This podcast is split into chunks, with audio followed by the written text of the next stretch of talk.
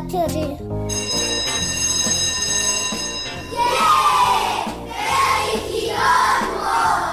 Emisija o obrazovanju i vaspitanju. E, Kad neka vaspitačica kaže da je veliki odmor, onda nešto radite. Jedeš, treniraš, skačeš, julješ se, eto, i tako. Vi slušate veliki odmor. Veliki odmor.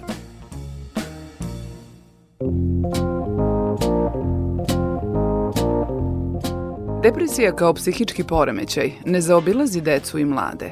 Iako nam se može učiniti da depresija ranije nije bila svojstvena dečijem uzrastu.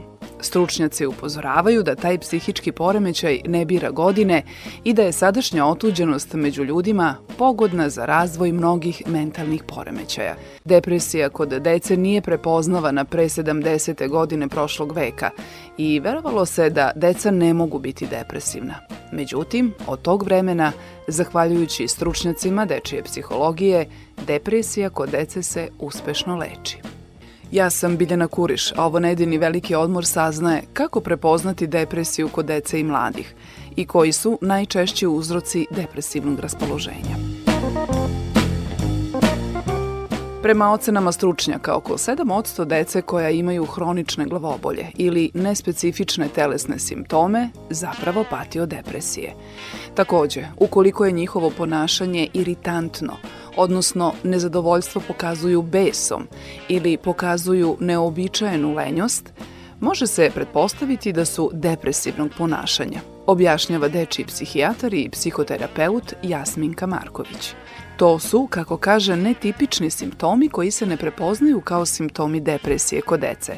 O uzrocima depresije kod dece u razgovoru sa dečijim psihijatrom Jasminko Marković. Šta je u osnovi razlog depresivnog stanja kod dece? Da, bilo bi sjajno kad bi postao jedan razlog i kad bi mogli na taj razlog da utičemo. Ono što je nekako, kao i kod većine problema mentalnog zdravlja, uzroci su mnogobrojni. Najčešći rizični faktor jeste genetika. Ako jedan od roditelja boluje od depresivnog poremeća, to dete je u tri put većem riziku nego dete iz opšte populacije da ima sličan problem.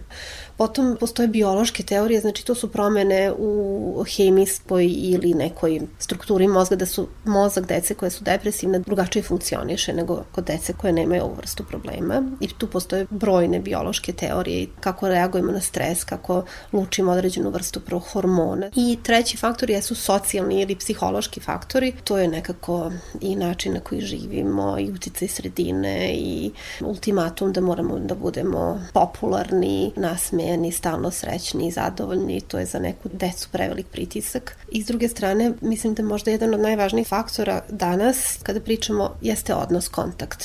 Nekako sve manje imamo taj kontakt ljudski koji je neophodan da bi, da bi preživjeli otud depresivni poremećaj koji zahteva tretman, a jedna od nezastavne vrste tretmana jeste psihoterapija, a psihoterapija podrazumeva ljudski kontakt. Baš sam čitala novije istraživanje gde su proučavali koliko su roditelji tinejdžera u kontaktu, koliko razgovaraju oči u oči sa svojim adolescentima.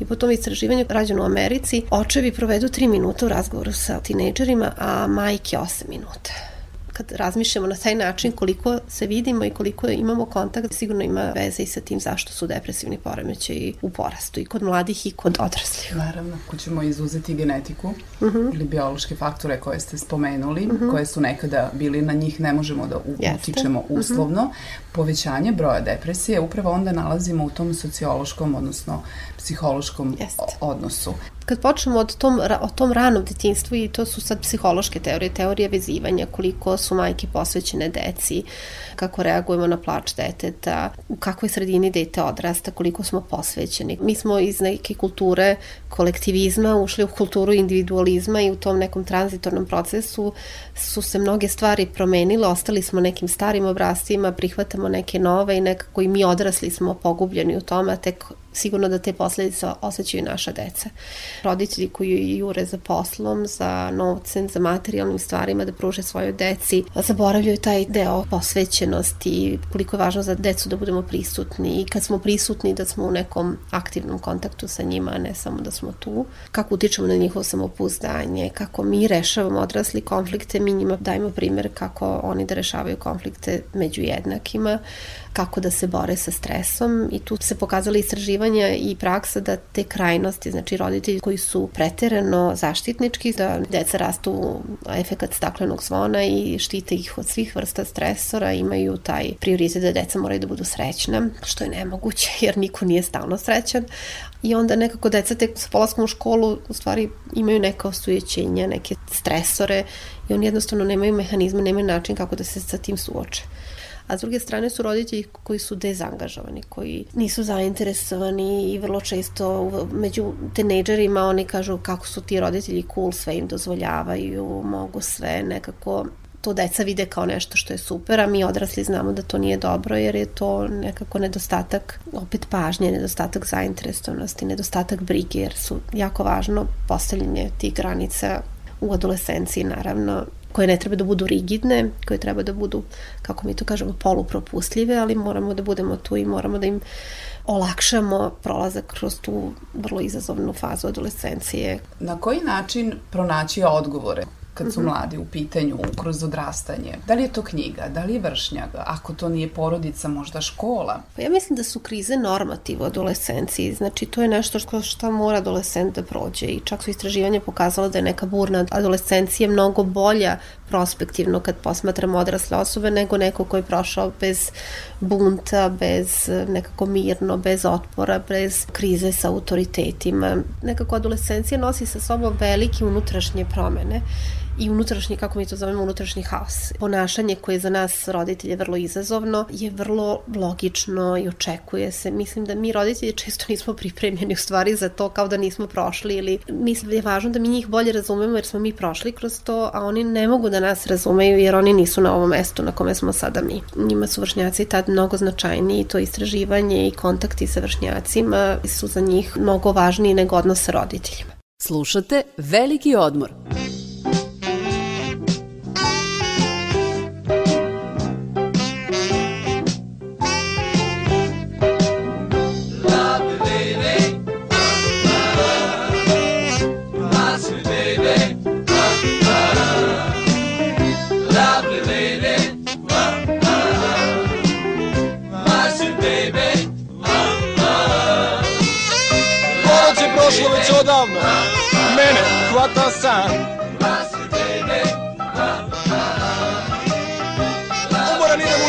praznom Gledam, sviće dan Neko viče Čupovac, stani! Molim? Ličnu kartu, Čupovac! Stani!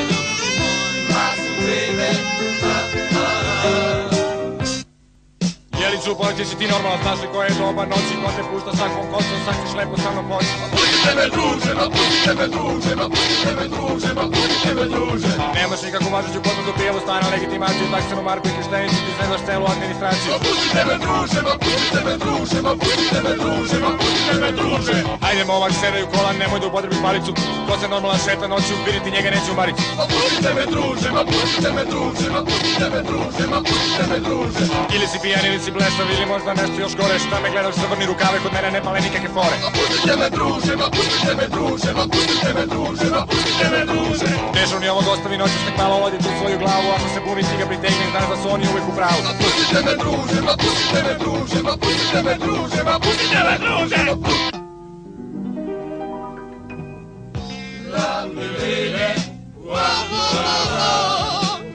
Bless me baby lovely lady.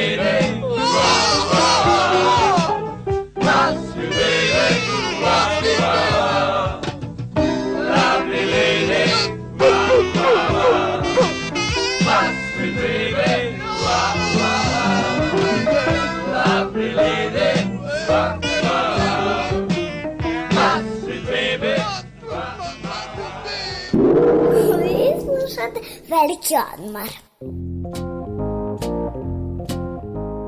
Da je briga o mentalnom zdravlju važna, potvrđuju i maturanti medicinske škole 7. april u Novom Sadu, Anastasija Zaharijević i Damjan Subotić, moji sledeći sagovornici.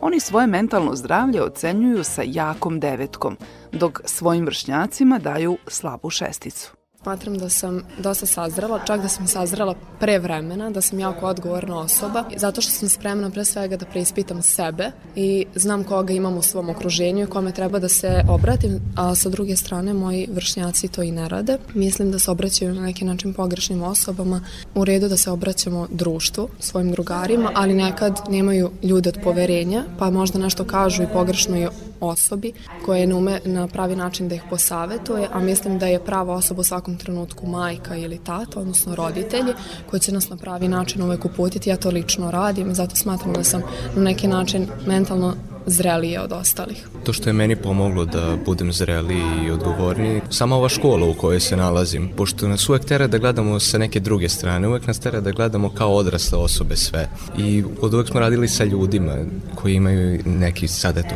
neki psihički problem i onda tera nas da budemo odgovorni i da u stvari mislimo kao odrasli ljudi čak i od prve godine, kad smo imali 14 godina. Takođe, bitni su mi vršnjaci kojim uvek mogu da se poverim sve da im kažem i kojim svesna sam da će mi oni uvek pomoći u svemu. Najveći problem kod mladih je odsustvo vrednosti svoje ličnosti i pritisak roditelja u izboru budućnosti deteta.